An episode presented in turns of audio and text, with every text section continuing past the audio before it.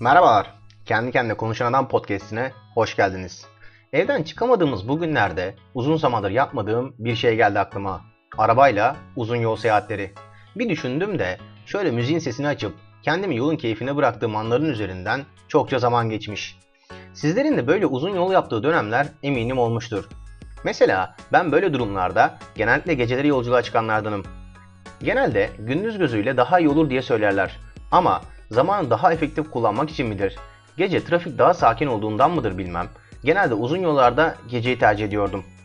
Gece yolculuğa çıkanlarda çevremde gördüğüm ve benim de yaptığım bir şey de yolculuk esnasında genelde uykunun tatlı tatlı gelmeye başladığı saatlerde bir benzinliğe çekip marketinden soğuk kahve ve enerji içeceği alarak yola o şekilde devam etme davranışı oluyor. Tabi tatlı tatlı gelen o uykuyu geçirmek için tercih edilen bir diğer şey de eğer yanınızda size eşlik eden birileri varsa ve o an uyumuyorlarsa koyu bir sohbet de vazgeçilmezlerden birisi olarak kullanılıyor.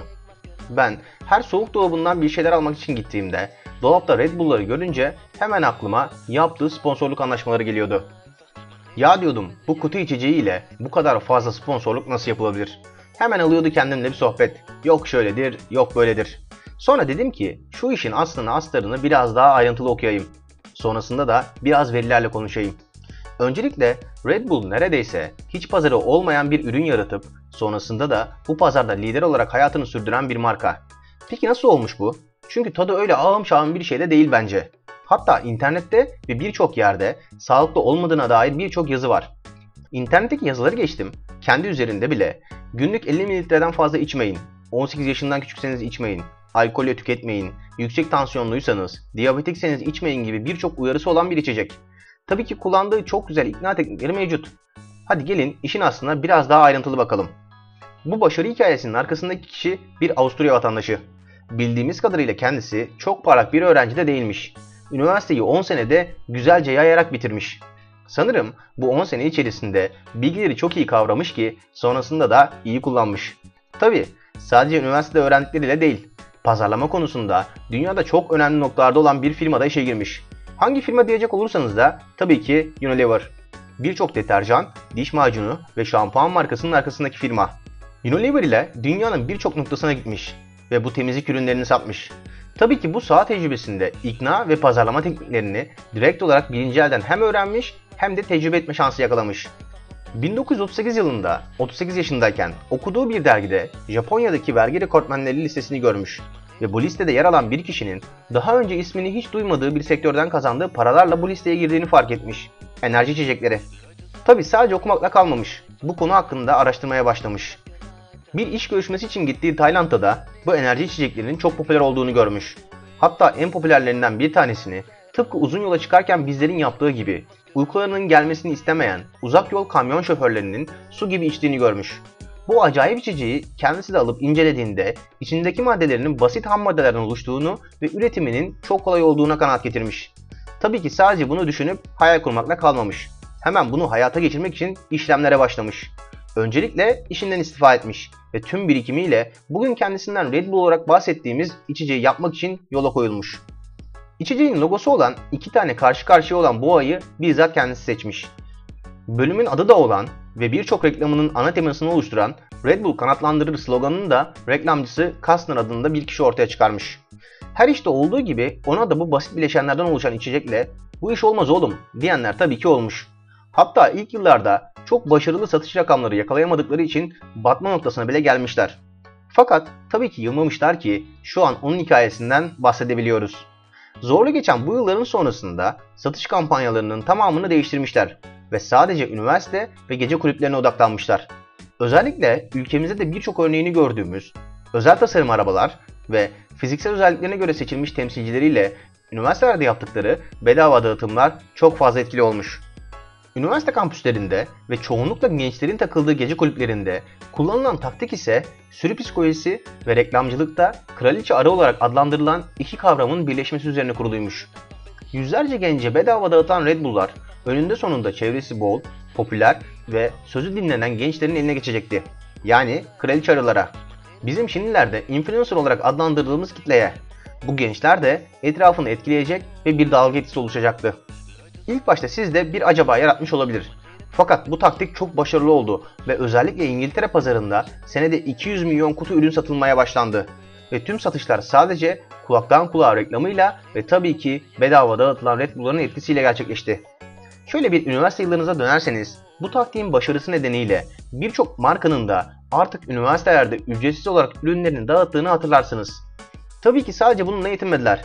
Hedef kitlelerinde yer alan gençlerin büyük bir kısmının son derece ilgi gösterdiği dünyadaki en deli, çılgın ve acayip sporları yapan kişileri toplayarak onlarla Red Bull sponsorluğuyla müthiş gösteriler düzenlettiler.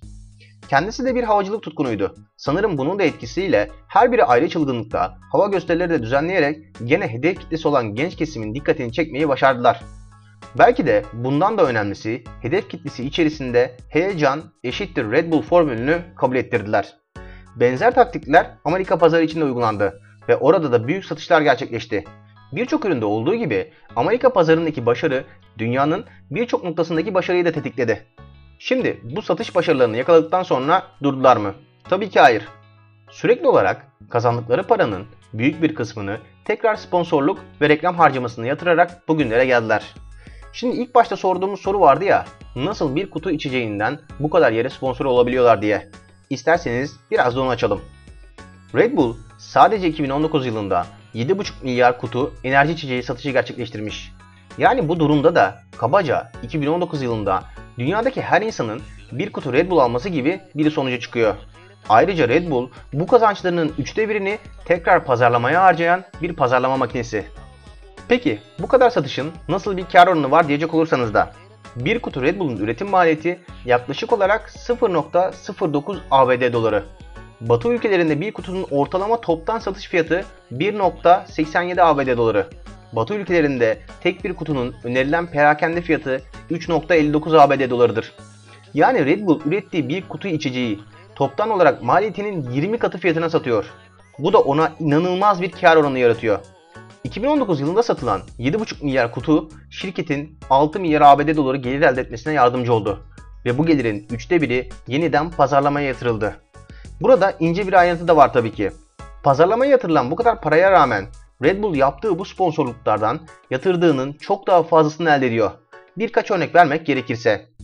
2012 yılında bir kişi uzaya çıkarak oradan dünyaya bir atlayış gerçekleştirdi. Belki hatırlayanlarınız vardır. Ben de canlı olarak izleyenlerdendim. İşte bu atlayışın finansmanını birçok ekstrem sporda olduğu gibi Red Bull sağladı.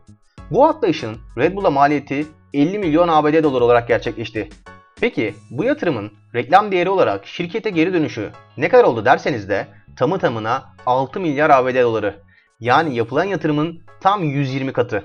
Sanırım değen bir yatırım olmuş. Başka bir örnek ise Red Bull'un Amerika'da sahip olduğu futbol takımı olan Red Bull New York. 2006 yılında tahmini olarak 25 milyon Amerikan dolarına mal oldu. Peki takımın 2019 yılındaki tahmini değeri ne olmuş derseniz 290 milyon Amerikan doları. Yani yaptığı yatırımın 10 katından fazla. Benzer bir örnek Formula 1 takımlarında da var. Formula 1'de yıllarca şampiyonluk yaşamış bir takıma sahipler. Red Bull'un bu kadar başarısı varken sanırım en yumuşak karnları ise karlarının büyük bir kısmını sadece tek bir kalem olan enerji içeceğinden kazanmaları. Giderek bilinçlenen tüketicilerin gazlı içecek tüketimindeki azalmaları gibi durumlar nedeniyle Red Bull sponsorlukları ile birlikte farklı hikayeler yazmak üzerine çalışmalar gerçekleştiriyor. Şu ana kadar da başarılı olarak yürütüyor denilebilir. Fakat zaman bizlere neler gösterecek sanırım bekleyip göreceğiz.